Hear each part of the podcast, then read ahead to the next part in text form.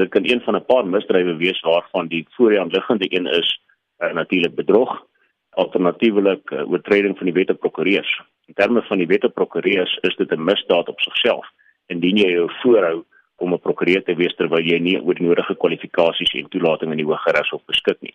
Dieselfde vir 'n persoon wat homself sou voordoen as 'n advokaat byvoorbeeld. En dieselfde strawwe wat uh, natuurlik opgelê kan word vir bedrog uh, kan min of meer uh, toegepas word en gelewer word vir hierdie tipe van oortreding. In baie onlangse gevalle het persone direkte tronkstraf opgedoen tot 8 jaar tronkstraf. En die rede daarvoor is baie voor die hand liggend. Uh jy moet onthou dat persone in baie keer beskuldigdes hulle lewe in hierdie mense se hande laat om hulle behulpsaam te wees in hofsaake.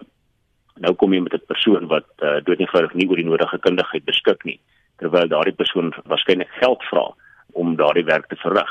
En dit is niks anders as swendelary nie en as gevolg daarvan kan die howe dit nie gelate toelaat dat mense wat nie oor die nodige kwalifikasies beskik hierdie tipe van uh, optrede gelaat aanvaar nie. So dit is 'n baie ernstige misdaad en uh, die persone daar buite word gewoonlik swaar gestraf wanneer hulle gevang word. En dit is nie baie moeilik om hulle uit te vang nie.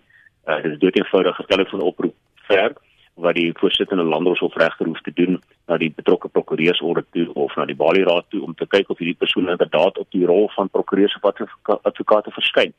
En op 'n daaglikse basis, jy sou verbaas wees baie sulke sake kom actually voor.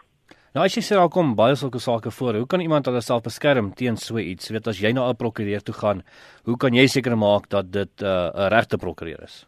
Die prokureur sal natuurlik vir jou bewys van sy lidmaatskap uh, by sy prokureursorde of by Balieraad kan toon.